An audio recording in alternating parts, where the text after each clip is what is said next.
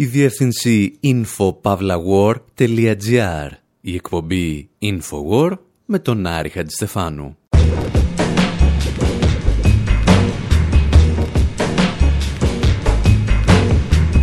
όπου σήμερα εντάσσουμε την εκπομπή στις εκδηλώσεις για τα 60 χρόνια από το θάνατο του Μπέρτολ Μπρέχτ. Τη Δευτέρα στις 30 Ιανουαρίου ο άνθρωπος πίσω από αυτό το μικρόφωνο συντονίζει μια πολύ ενδιαφέρουσα ανοιχτή συζήτηση για τον Μπρέχτ στο πλαίσιο του φεστιβάλ «Ημέρες Μπρέχτ» στην Αθήνα.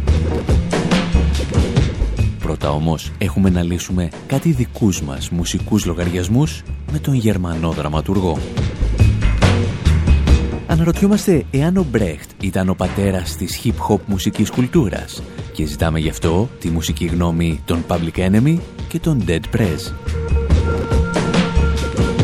Δίνουμε μάχη για να αποδείξουμε ότι η hip-hop δεν ανήκει στο μεταμοντέρνο, όπως ισχυρίζονται ορισμένοι, αλλά συνδέεται περισσότερο με το επικό θέατρο του Μπρέχτ. Και ύστερα επιστρέφουμε σε πιο κλασικές διηγήσεις. Θυμόμαστε την ιστορία του Mac the Knife και το ταξίδι του από την εποχή του Μπρέχτ μέχρι την εποχή των McDonald's.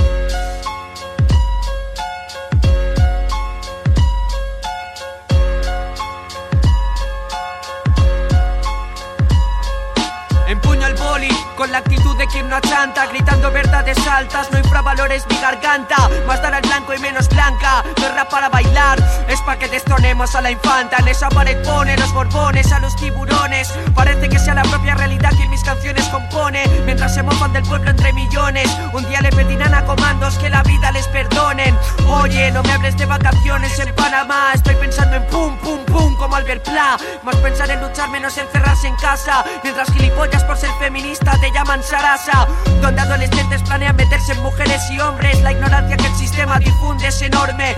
Obviamente un pueblo ignorante no se revela, así que menos antenas y más juventudes comunistas en aceras, alumbrando a las masas el camino que nos oculta para mantener los privilegios de los ricos. No hay futuro sin gatillo de Kalashnikov. Deja ya un poco el Black Ops, ponte a Perico Chekhov, chico. Es si queda el micro, yo no te hablaré de ratchets, te hablaré de que nos tienen jodidos pa' que no te agaches. Esto no va de Versace ni de Guarache si para los monopolios somos como cachivaches, ya tuve bastante, no quiero ser parte de su plan. Arriba preparan tu mente para que no salgas del rebaño. ¿Pa' qué vas a luchar si nada va a cambiar? A la mierda, prepárate y hazles daño. Medios revolucionarios, no tu revista. Ο Ισπανός ράπερ Seeker ML μας καλεί να υπερασπιστούμε το προφανές, όπως κάνει λέει και ο Μπέρτολ Μπρέχτ. Υποθέτουμε ότι αναφέρεται σε εκείνη τη φράση του Μπρέχτ που έλεγε «Τι καιρή είναι αυτή που πρέπει να υπερασπιζόμαστε και το προφανές». Οι ιδεολογικές τοποθετήσεις του Σίκερ είναι μάλλον προφανείς, δεδομένου ότι η σελίδα του στο Twitter είναι γεμάτη από σφυροδρέπανα. Λιγότερο εμφανές ήταν τι πρέσβευαν οι Γερμανοί Repucation, οι οποίοι από το 2013 δούλευαν πάνω σε μια ράπ εκδοχή της όπερας της Πεντάρας. Um, Bertolt Brecht, Drei Groschen Oper. Ihr, die uns lehrt, wie man brav lebt, zahm und gefügig, arbeitet hart, ich hab dafür nichts übrig. Es müsst ihr uns was zu fressen geben, dann könnt ihr reden, dann könnt ihr reden. Wie man es dreht, ist egal, erst kommt das Fressen, dann die Moral. Παρόμοιες προσπάθειες έγιναν και στις Ηνωμένες Πολιτείες με θεατρικές ομάδες που θέλησαν να αλλάξουν τη μουσική από τις παραστάσεις του Μπρέχτ με hip-hop ρυθμούς. Εμάς όμως σήμερα δεν μας ενδιαφέρουν οι καλλιτέχνες που βάζουν ο λίγο από ραπ στο θέατρο, αλλά να δούμε εάν και κατά πόσο ολόκληρη η hip-hop σκηνή έχει στοιχεία που μπορούν να συνδεθούν με θεατρικά εργαλεία του Μπρέχτ. Και για να απαντήσουμε θα χρειαστούμε τη βοήθεια συγκροτημάτων όπως η Dead Press, τους οποίους ακούμε να υποστηρίζουν ότι κάποιος τους κήρυξε τον πόλεμο. Και εμείς επαναρχόμαστε. RBG's. You know what I mean? It's war. You know what I mean? Yo, stick. I mean, shit be real on war. the block.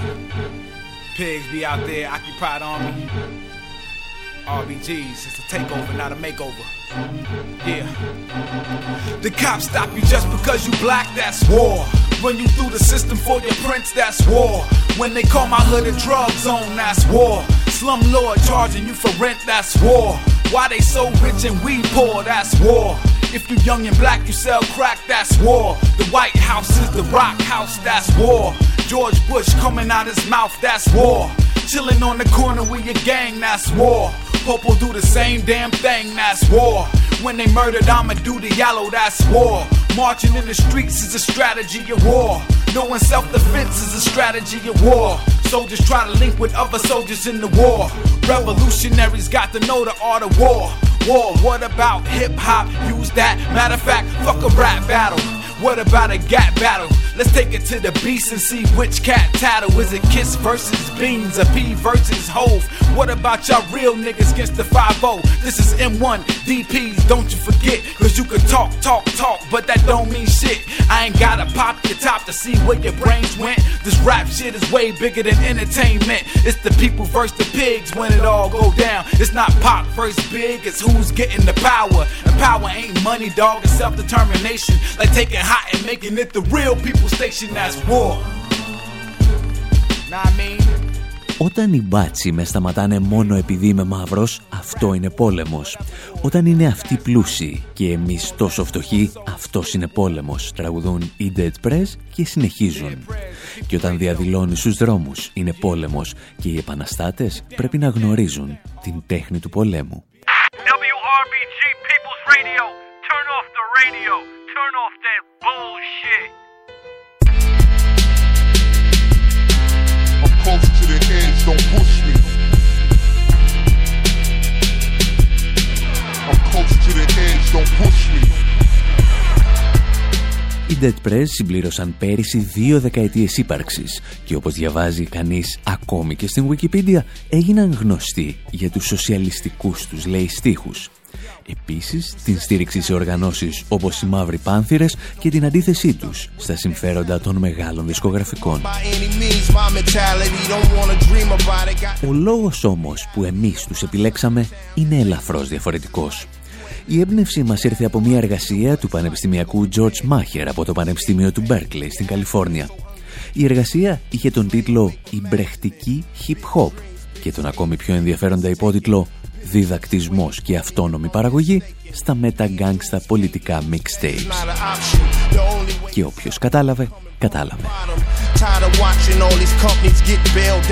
Για την ιστορία, ο Μάχερ έγινε παγκοσμίως γνωστός πριν από μερικές εβδομάδες όταν έγραψε στο Twitter ότι για αυτά τα Χριστούγεννα θα ήθελε ο Άι Βασίλης να του φέρει μια γενοκτονία των Λευκών.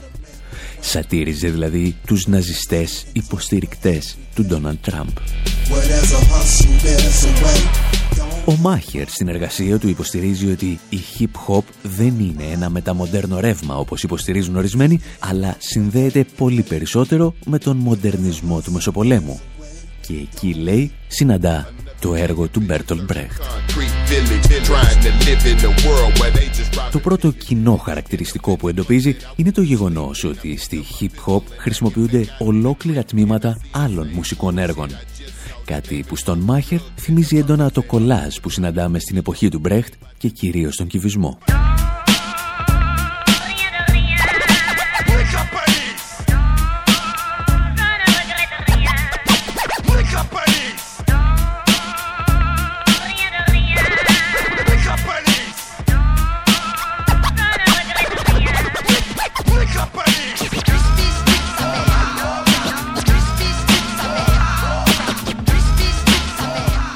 Στο σημείο αυτό υποθέτουμε ότι η δημιουργική σύνθεση παλαιότερων έργων από τη hip-hop θα ενθουσίαζε τον Μπέρτολ Μπρέχτ.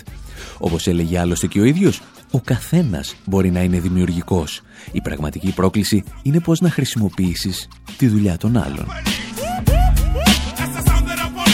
Όπως έκανε και ο Πικάσο ή ο Μπρακ, η hip-hop αποκαθιλώνει τον μοναχικό καλλιτέχνη που παίρνει χαρακτηριστικά ήρωα. Τον αναγκάζει να συνθέσει στοιχεία άλλων και μέσα από αυτά να δημιουργήσει ένα νέο μουσικό κομμάτι. Και φυσικά η κατάσταση δεν θα μπορούσε να είναι διαφορετική. Ένας από τους λόγους άλλωστε που δημιουργήθηκε η hip hop με τη μορφή που τη γνωρίζουμε είναι ότι δεκάδες νεαροί καλλιτέχνες στα γκέτο των Αμερικανικών μεγαλοπόλων δεν είχαν πρόσβαση σε μουσικά όργανα. Και ένας λόγος γι' αυτό ήταν οι περικοπές στη δημόσια εκπαίδευση που ξεκίνησαν με το νεοφιλελεύθερο κύμα της δεκαετίας του 80. Το μόνο που μπορούσαν λοιπόν να κάνουν ήταν να ανασυνθέτουν προηχογραφημένους ήχους που έβρισκαν σε διαφημίσεις, σε ηλεκτρονικά παιχνίδια, αλλά και σε έτοιμα κομμάτια.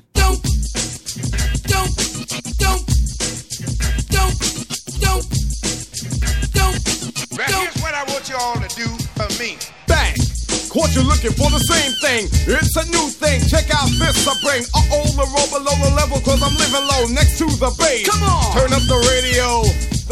Και εδώ έρχεται ίσως το δεύτερο σημαντικότερο στοιχείο που μας συνδέει με τον Μπρέχτ. Ο Γερμανός δραματουργός, μας θύμιζε ο Μάχερ, αναζητούσε από τότε ένα διαδραστικό μέσο επικοινωνίας για την τέχνη.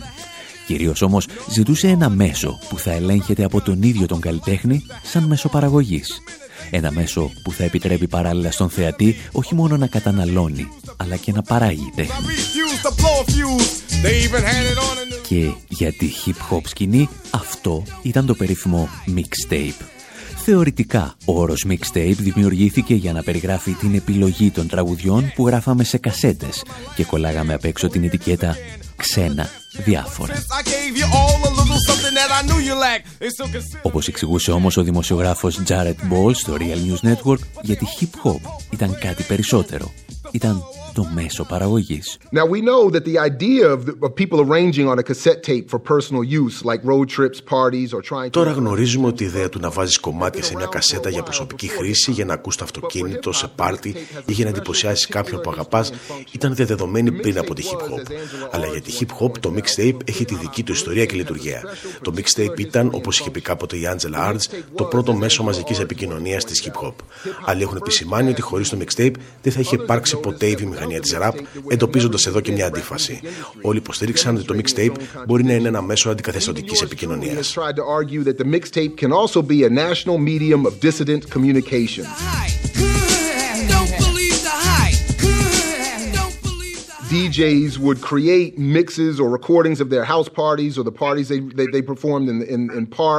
Οι DJ δημιουργούσαν μίξεις ηχογραφήσεις από τα πάρτι στα σπίτια τους ή από πάρτι που έκαναν σε πάρκα. Αυτό συνέβαινε πρωτού υπάρξουν στούντο για ραπ μουσική, πριν το MTV, ακόμα και πριν το ραδιόφωνο των μαύρων επιτρέψει να ακούγεται hip hop. Οπότε πραγματικά το επιχείρημα της Arts είναι σωστό, ότι δεν υπήρχαν μέσα μαζικής επικοινωνίας για τη ραπ. Δεν υπήρχε άλλο μέσο μαζικής επικοινωνίας για να χρησιμοποιεί η κοινότητα της hip hop και να διαδίδει την τέχνη της, εκτός από το mixtape.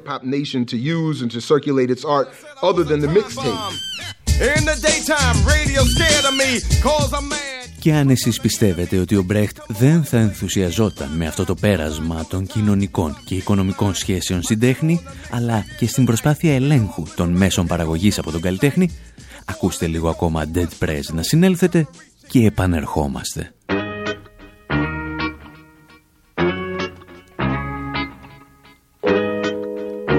Drugs oppress the people every day. selling dope, serving weed. We had to hustle to hustle just to eat.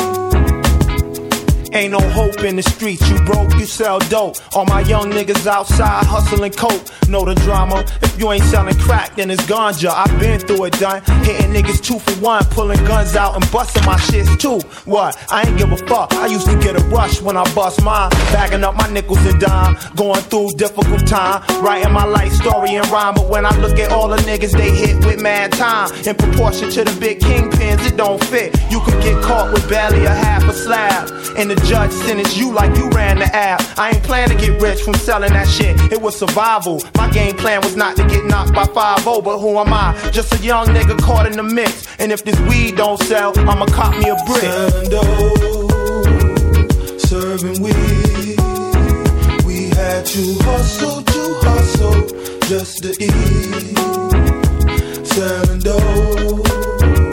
Serving weed. We had to hustle a minute since I've been in the game. Some years back, I held crack, I couldn't say the same thing. Ask my nigga Bang Double in Raleigh. We was trouble, got the fiend spot, bubbling hot. We wouldn't never make a lot, I mean, not like Scarface or Nino Brown or George Bush. No matter what you push, it was politics and camera tricks, very deceptive.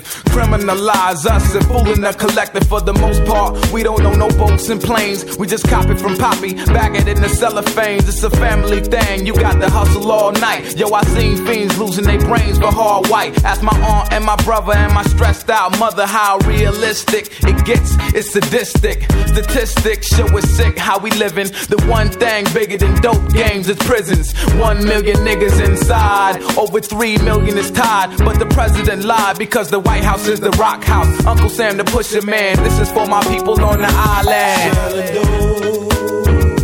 Serving weed, we had to hustle to hustle just to eat. Οι Dead Press μας αποκαλύπτουν ότι πουλάνε ναρκωτικά και φυσικά αναφέρονται στους μαύρους στον γκέτο. Οι αναφορές της ραπ στο εμπόριο ναρκωτικών πληθαίνουν από τα μέσα της δεκαετίας του 80 όταν κάνει την εμφάνισή της η περίφημη gangsta rap, η ραπ των συμμοριών. Οι Dead Prez όμως είναι θα λέγαμε μεταγκάγκστα και δεν έχουν καμία πρόθεση να ωρεοποιήσουν το εμπόριο ναρκωτικών. Τα ναρκωτικά λένε από τον πρώτο στίχο του τραγουδιού καταπιέζουν καθημερινά τους ανθρώπους. Αλλά στους δρόμους δεν υπάρχει ελπίδα. Αν δεν πουλήσεις ναρκωτικά δεν θα έχεις φαγητό.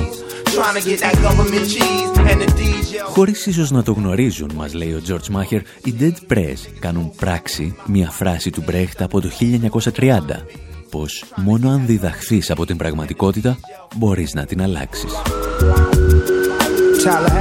Ο αντίστοιχος στίχος των Dead Press με την φράση του Brecht λέει «Η ζωή μου δεν αξίζει τίποτα εάν δεν αντιμετωπίζω την πραγματικότητα και προτιμώ να αντιμετωπίζω την αλήθεια και το ψέμα παρά να είμαι ψεύτης απέναντι στους ανθρώπους μου και να τους λέω πως όλα πηγαίνουν καλά».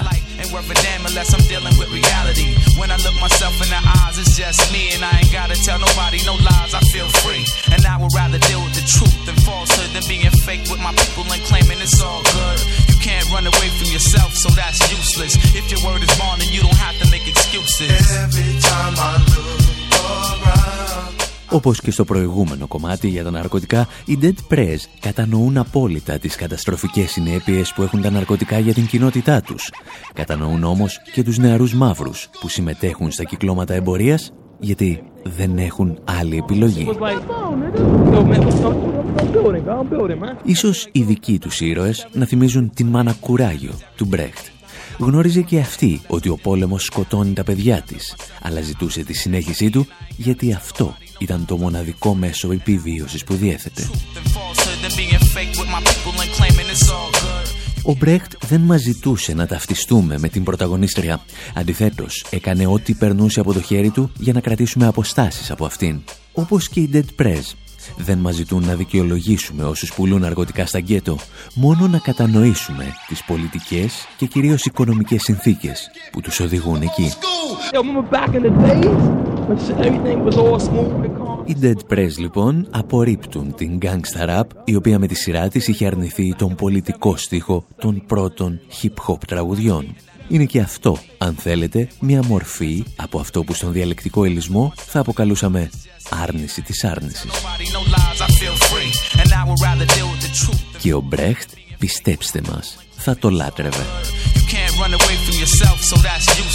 Εσείς να θυμάστε απλώς ότι όλες αυτές οι περίεργες και υποεξέταση ιδέες μας κατέβηκαν στο κεφάλι με αφορμή το φεστιβάλ «Ημέρες Μπρέχτ» στην Αθήνα, το πρόγραμμα του οποίου θα βρείτε και στο site μας info.pavlawar.gr Προς το παρόν πάντως μένετε εδώ και εμείς επιστρέφουμε σύντομα με πολύ περισσότερο Brecht. YG and Nipsey Hussle's video got shut down by cops for an anti-Trump song that's called Donald Trump.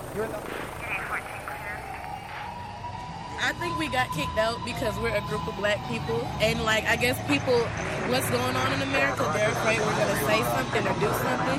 But we just really want to watch the rally, and to get kicked out because we're a group of black people is really crazy. It shows you how racist our own school is. We can't even go to our own school. Fuck Donald Trump. fuck Donald Trump. Yeah, nigga, fuck Donald Trump. Yeah, yeah, fuck Donald Trump. Yeah, fuck Donald Trump. Yeah, fuck Donald Trump. Yeah, nigga, fuck Donald Trump. Yeah, yeah, fuck Donald Trump. Yeah. I like white folks, but I don't like you. All the niggas in the hood wanna fight you. Surprise El Chapo ain't tried to snipe you. Surprise the nation of Islam ain't tried to find you. Have a rally out LA, we gon' fuck it up. Home of the ride and the King Ride, we don't give a fuck. Black students, ejected from your rally. What? I'm ready to go right now, your racist ass did too much. I'm about to turn Black Panther. Don't let Donald Trump win, that nigga cancer. He too rich, he ain't got the answers. He can't make decisions for this country, he gon' crash us. No, we can't be a slave for him. He got me appreciating Obama way more. Hey, Donald, and everyone that follows, you gave us your reason to be president, but we hate Fuck yours. Donald Trump. Fuck Donald Trump. Yeah, nigga, fuck Donald Trump. I don't like your yeah, ass. Yeah, fuck Donald Trump. Yeah, fuck Donald Trump. Uh, yeah, I really fuck don't Donald like you, Trump. Nigga. Yeah, nigga, fuck Donald Trump. Yeah, yeah, fuck Donald Trump. Tripping? Let me know. I thought all that Donald Trump bullshit was a joke. Know what they say when rich niggas go broke? Look, Reagan so cold, Obama so hope. Donald Trump spent his trust fund money on the vote. I'm from a place where you probably can't go. Speaking for some people that you probably ain't know. There's pressure built up and it's probably gonna blow. And if we say go, then they probably gonna go. You vote Trump, then you probably on dope. And if you like me, then you probably ain't know. And if you been in jail, you could probably still vote. We let this nigga win, we gon' probably feel broke. You build walls, we gon' probably dig holes. And if your ass do win, you gon' probably get smoked, fuck nigga. Donald Trump. Fuck you. Fuck Donald Trump. Yeah, nigga, fuck Donald Trump. Yeah, yeah, fuck Donald Trump. Yeah, fuck Donald Trump. Yeah, fuck Donald Trump. Yeah, nigga, fuck Donald Trump. Yeah, yeah, fuck Donald Trump. Yeah. I will build a great, great wall on our southern border, and I will have Mexico pay for that wall. Yeah. Mark my words. Yeah. Hold up, I fuck with Mexicans. Got a plug with Mexicans. When a little need a switch, who I call Mexican. This Comedy Central ass nigga come be the president. Hold up, Nip, tell the world how you fuck with Mexicans. It wouldn't be the USA without Mexicans. And if it's time to team up, shit, let's begin. Black love, brown pride, and the sense again. White people feel the same as my next kin. Let this nigga win, God bless the kids. God bless the kids, this nigga wicked and weird. When me and Nip link, that's Bloods and Crips. When your LA rally, we gon' crash your shit. Fuck Donald Trump. Fuck Donald Trump. Yeah, nigga, fuck Donald Trump. Yeah, yeah, fuck Donald Trump. Yeah, fuck Donald Trump. Yeah, fuck Donald Trump. Yeah, nigga, fuck Donald Trump. Yeah, yeah, fuck Donald Trump.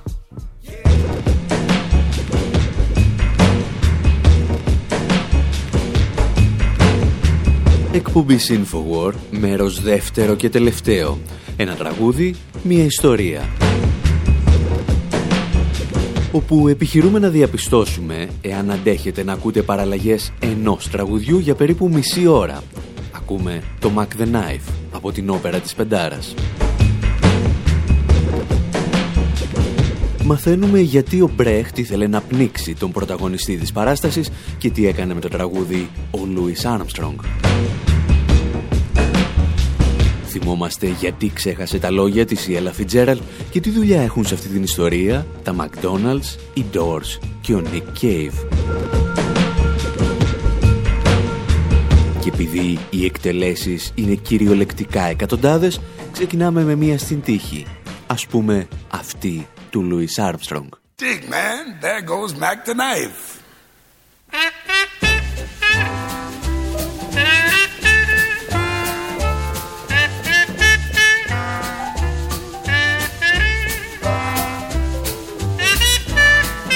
Ο Λούις Άρμστρονγκ λοιπόν το 1956 φέρνει στην Αμερική του μακαρθισμού ένα τραγούδι από τον μεγαλύτερο κομμουνιστή θεατρικό συγγραφέα της ιστορίας, τον Μπέρτολ Μπρέχτ. Το Mack the Knife γεννιέται μαζί με την όπερα της Πεντάρας το 1928, ίσως στη σημαντικότερη στιγμή στην καριέρα του Μπέρτολ Μπρέχτ και εκεί θα το τραγουδήσει η Λότε Λένια κάπως έτσι. Und der Haifisch, der hat Zähne und die trägt er im Gesicht. Und McKees, der hat ein Messer, doch das Messer sieht man nicht. Ach, es sind des Haifischflossen, rot, wenn dieser Blut vergießt. Mackie Messer trägt nen Handschuh, drauf man keine Untat liegt. Τελειομανής όπως πάντα, ο Μπρέχτ πριν γράψει την όπερα της Πεντάρας κάθεται και ξαναδιαβάζει το κεφάλαιο του Μάρξ. Ήθελε να κατανοήσει πλήρως το μηχανισμό λειτουργίας του καπιταλισμού. Ήθελε να αποδομήσει την ίδια την έννοια της ατομικής ιδιοκτησίας. Ήθελε να γνωρίσει τον εχθρό του πριν τον ξεμπροστιάσει επί σκηνής.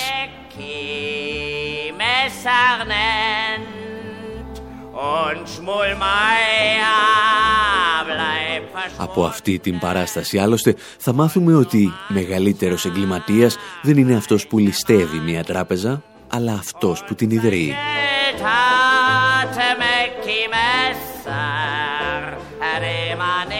Σε μετέπειτα παραλλαγές βέβαια, αρκετοί υποστηρίζουν ότι μεγαλύτερος απατεώνας είναι ο τραπεζίτης ή ακόμη χειρότερα ο τραπεζικός υπάλληλος που παρουσιάζεται σαν πρωθυπουργός ή και σαν δημοσιογράφος. Αλλά αυτό είναι μία άλλη πονεμένη ιστορία.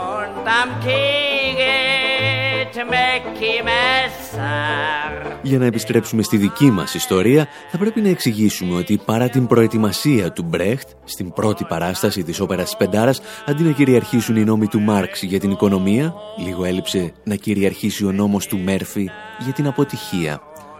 Ό,τι μπορούσε να πάει στραβά, πήγε. And they forgot to put my name on that program. Η κύρια που ακούτε είναι η περίφημη Λότε Λένια, που σε εκείνη την ιστορική παράσταση υποδιόταν την Τζέννη.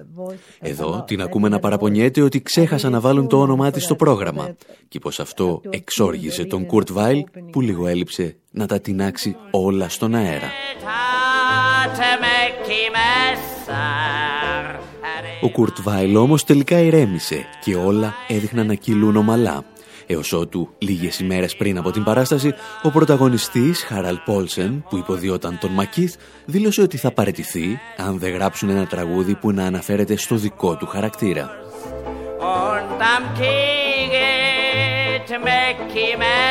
Ο Μπρέχτ τον καταράστηκε από τα βάθη της ψυχής του και αφού εξάντλησε όλες τις γερμανικές βρισχές της εποχής, κάθισε να του γράψει το τραγούδι. Μέσα σε λίγες ώρες είχε έτοιμους τους στίχους για τον αντίήρωα του έργου του, τους οποίους μελοποίησε αμέσως ο Κουρτ Βάιλ.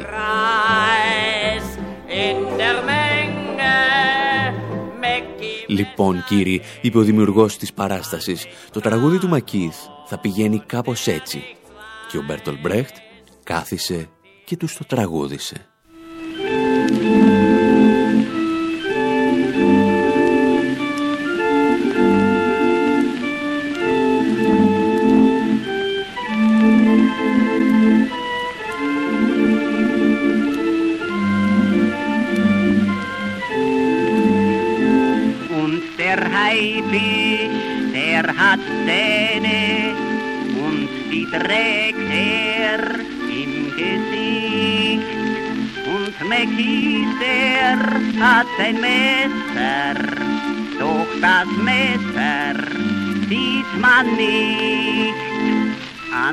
Αν και ο Μπρέχτ θα χρησιμοποιήσει την όπερα της Πεντάρας ως το πρώτο του μεγάλο κατηγορό προς τον καπιταλισμό, ήταν τελικά οι Ηνωμένες Πολιτείες που αγκάλιασαν περισσότερο το τραγούδι Mac the Knife.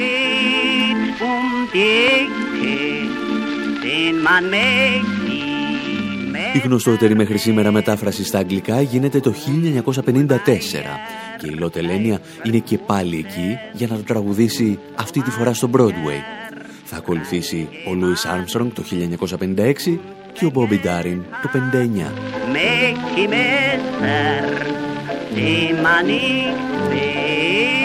Κανένας τους όμως δεν τραγουδά στα αγγλικά τον τελευταίο στίχο που είχε βάλει ο Μπρέχτ το 1930 για τη μεταφορά της παράστασης στη μεγάλη οθόνη. Κάποιοι έλεγε ζουν στο σκοτάδι και κάποιοι ζουν στο φως. Και εσύ βλέπεις αυτούς που ζουν στο φως, γιατί αυτοί στο σκοτάδι εξαφανίζονται. Thank you, ladies and gentlemen. Thank you. We'd like to do something for you now. We haven't heard a girl sing it. And it, since it's so popular, we'd like to try and do it for you. We hope we remember all the words.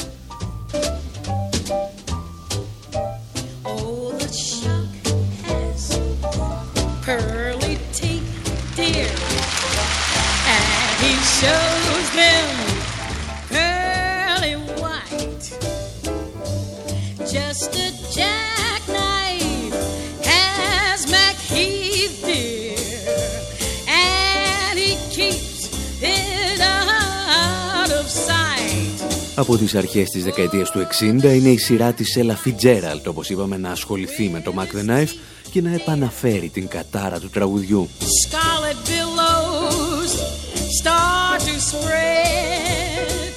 1960 σε μια ζωντανή συναυλία στο Βερολίνο ξεχνάει τους στίχους και αρχίζει να αυτοσχεδιάζει. Δημιουργεί έτσι ζωντανά ένα διαφορετικό τραγούδι και κερδίζει γι' αυτό το βραβείο Grammy εκείνης της χρονιάς. Ah, Sunday, Sunday morning. Η Αμερική όμως θα συνεχίσει να τιμά το Mac the Knife όπως θα κάνουν σε ανύποπτο χρόνο οι Doors, κάπου εκεί στα 1968. Ξεκινάνε με το Mac the Knife σε μια συναυλία για να συνεχίσουν με το Alabama Song.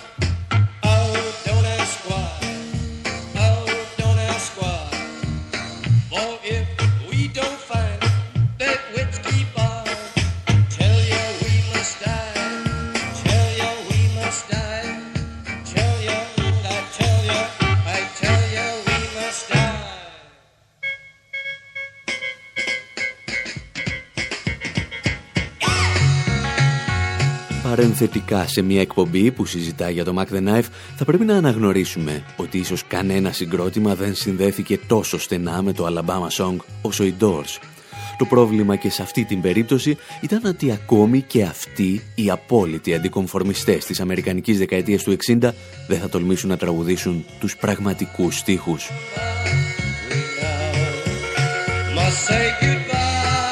Must say goodbye. Το τραγούδι κανονικά μας καλεί να εντοπίσουμε το πλησιέστερο whisky bar, αλλά και το πλησιέστερο αγοράκι. Οι Doors όμως προτιμούν να αναζητούν το πλησιέστερο κοριτσάκι. Αφαιρούν έτσι κάτι από την δεκαντάνς ατμόσφαιρα της Γερμανίας του Μεσοπολέμου. Τότε που οι εκλεγμένες κυβερνήσεις μετατρέπονταν σταδιακά σε φασιστικές δικτατορίες μεγάλων τραπεζιτών. Επίσης, ο Μπρέχτ μετά το αγοράκι ζητούσε να του δείξουμε το δρόμο και για το πλησιέστερο δολάριο. Οι Doors όμως προτίμησαν να αφαιρέσουν οριστικά αυτό τον στίχο. Σε κάθε περίπτωση πάντως και για να επιστρέψουμε στο δικό μας τραγούδι, οι Doors ανοίγουν το δρόμο για τις πιο ψυχεδελικές εκτελέσεις του Mac the Knife. Για να φτάσουμε έτσι το 1981 με τους Psychedelic Fairs να μας δίνουν εκτελέσεις σαν κι αυτοί.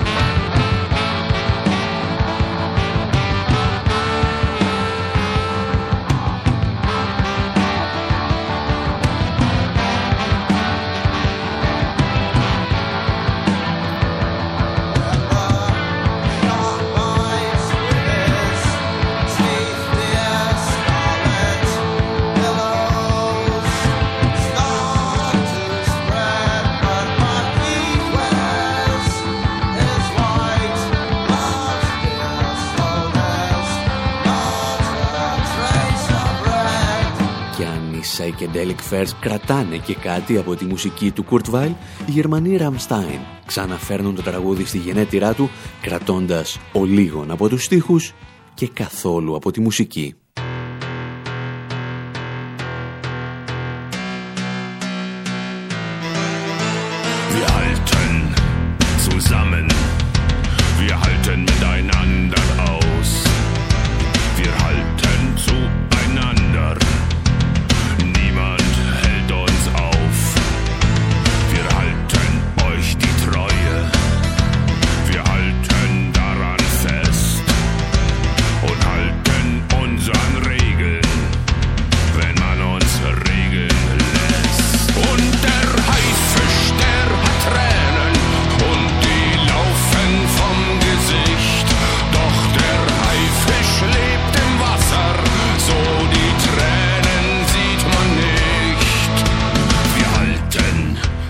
Καρχαρία στον Ραμστάιν δεν έχει πλέον αστραφτερά δόντια όπως τον ήθελε ο Μπρέχτ, αλλά μεγάλα δάκρυα, τα οποία όπως λένε δεν φαίνονται, γιατί αυτός είναι συνέχεια κάτω από το νερό.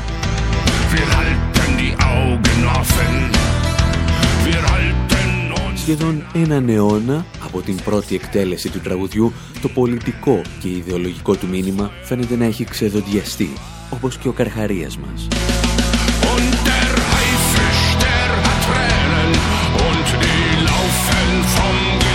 Το Mac the Knife δεν αποτελεί πλέον αριστερή κριτική στο κυρίαρχο οικονομικό σύστημα του πλανήτη. Στην καλύτερη περίπτωση, οι ερμηνευτές του θυμούνται για λίγο τον Μακίθ ως αντιήρωα από αυτούς που έρχονται και παρέρχονται στην αμερικανική λογοτεχνία.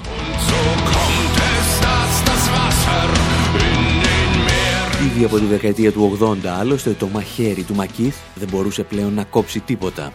Είναι η εποχή που τα McDonald's χρησιμοποιούν την εικόνα του και το Mac the Knife για να προωθήσουν στην αγορά τον Mac Tonight. Εδώ ο αντικομφορμισμός έγκυται στο γεγονός ότι τα McDonald's θα έμεναν ανοιχτά και τη νύχτα. When the clock strikes half past six, babe, time to head for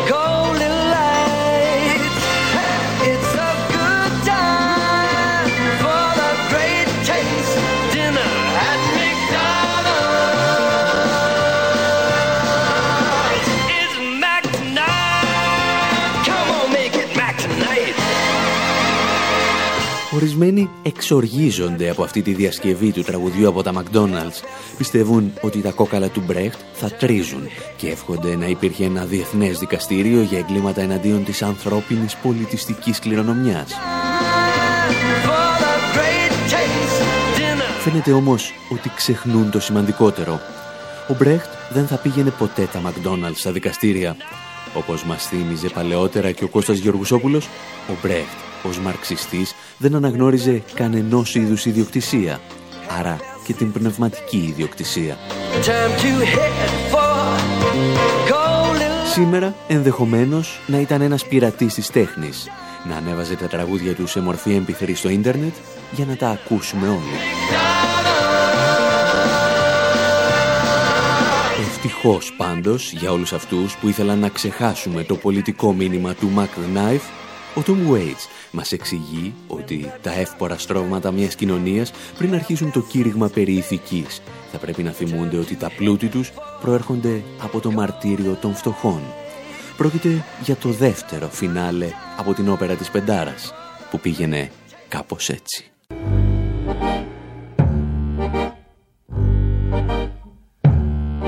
You gentlemen who think you have a mission to purge us of the seven deadly sins. Should first sort out the basic food position, then start your preaching. That's where it begins. Your lot who preach restraint and watch your waist as well should learn for once the way the world is run. However much you twist, or whatever lies that you tell, food is the first thing.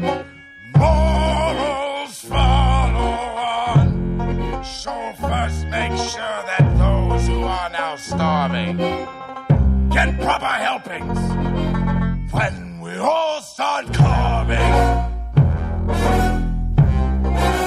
What keeps mankind alive? What keeps mankind alive? The fact that billions are daily tortured, stifled, punished, silenced, and oppressed.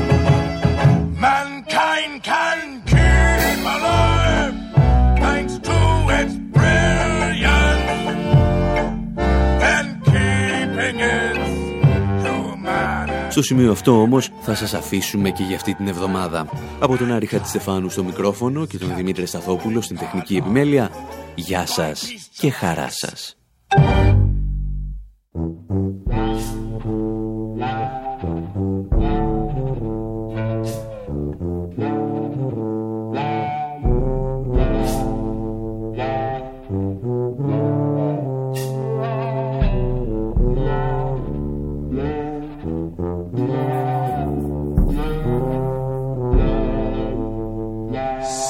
The shark with teeth like razors, and he wears them in his face. And McHeath has got a knife, but not in such an obvious place. Now see the shark, how red his fins are as he slashes at his prey. Oh, Mac the Knife wears fancy gloves which give the minimum away. By the Thames, turbid waters, men abruptly tumble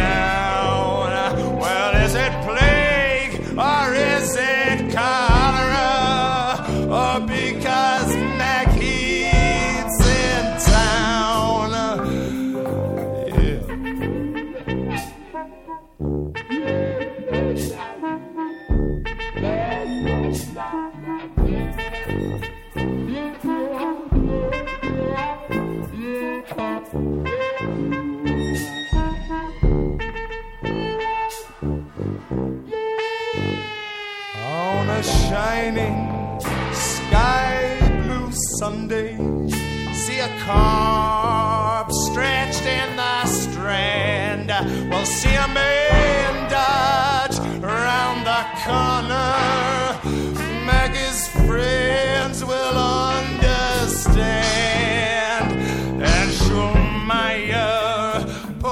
Posted missing.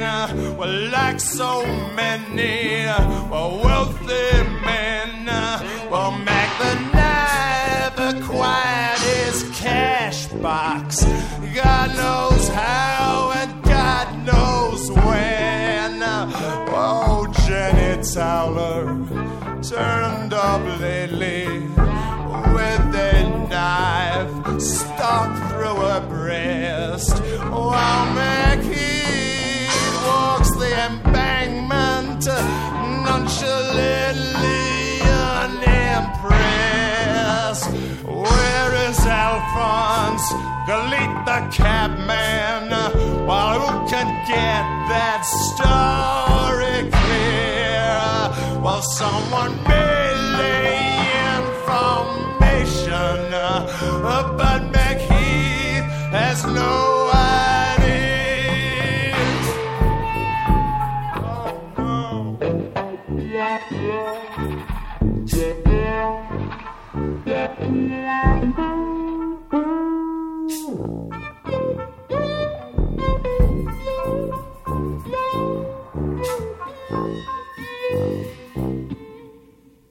And that child bride in her nightie, whose assailants still at large, violated in her slumbers. Mackie, how much did you charge?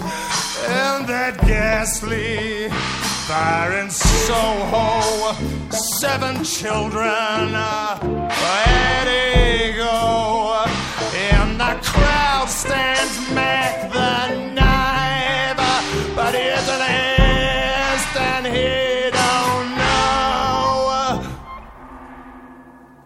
the crowd stands Mac the knife.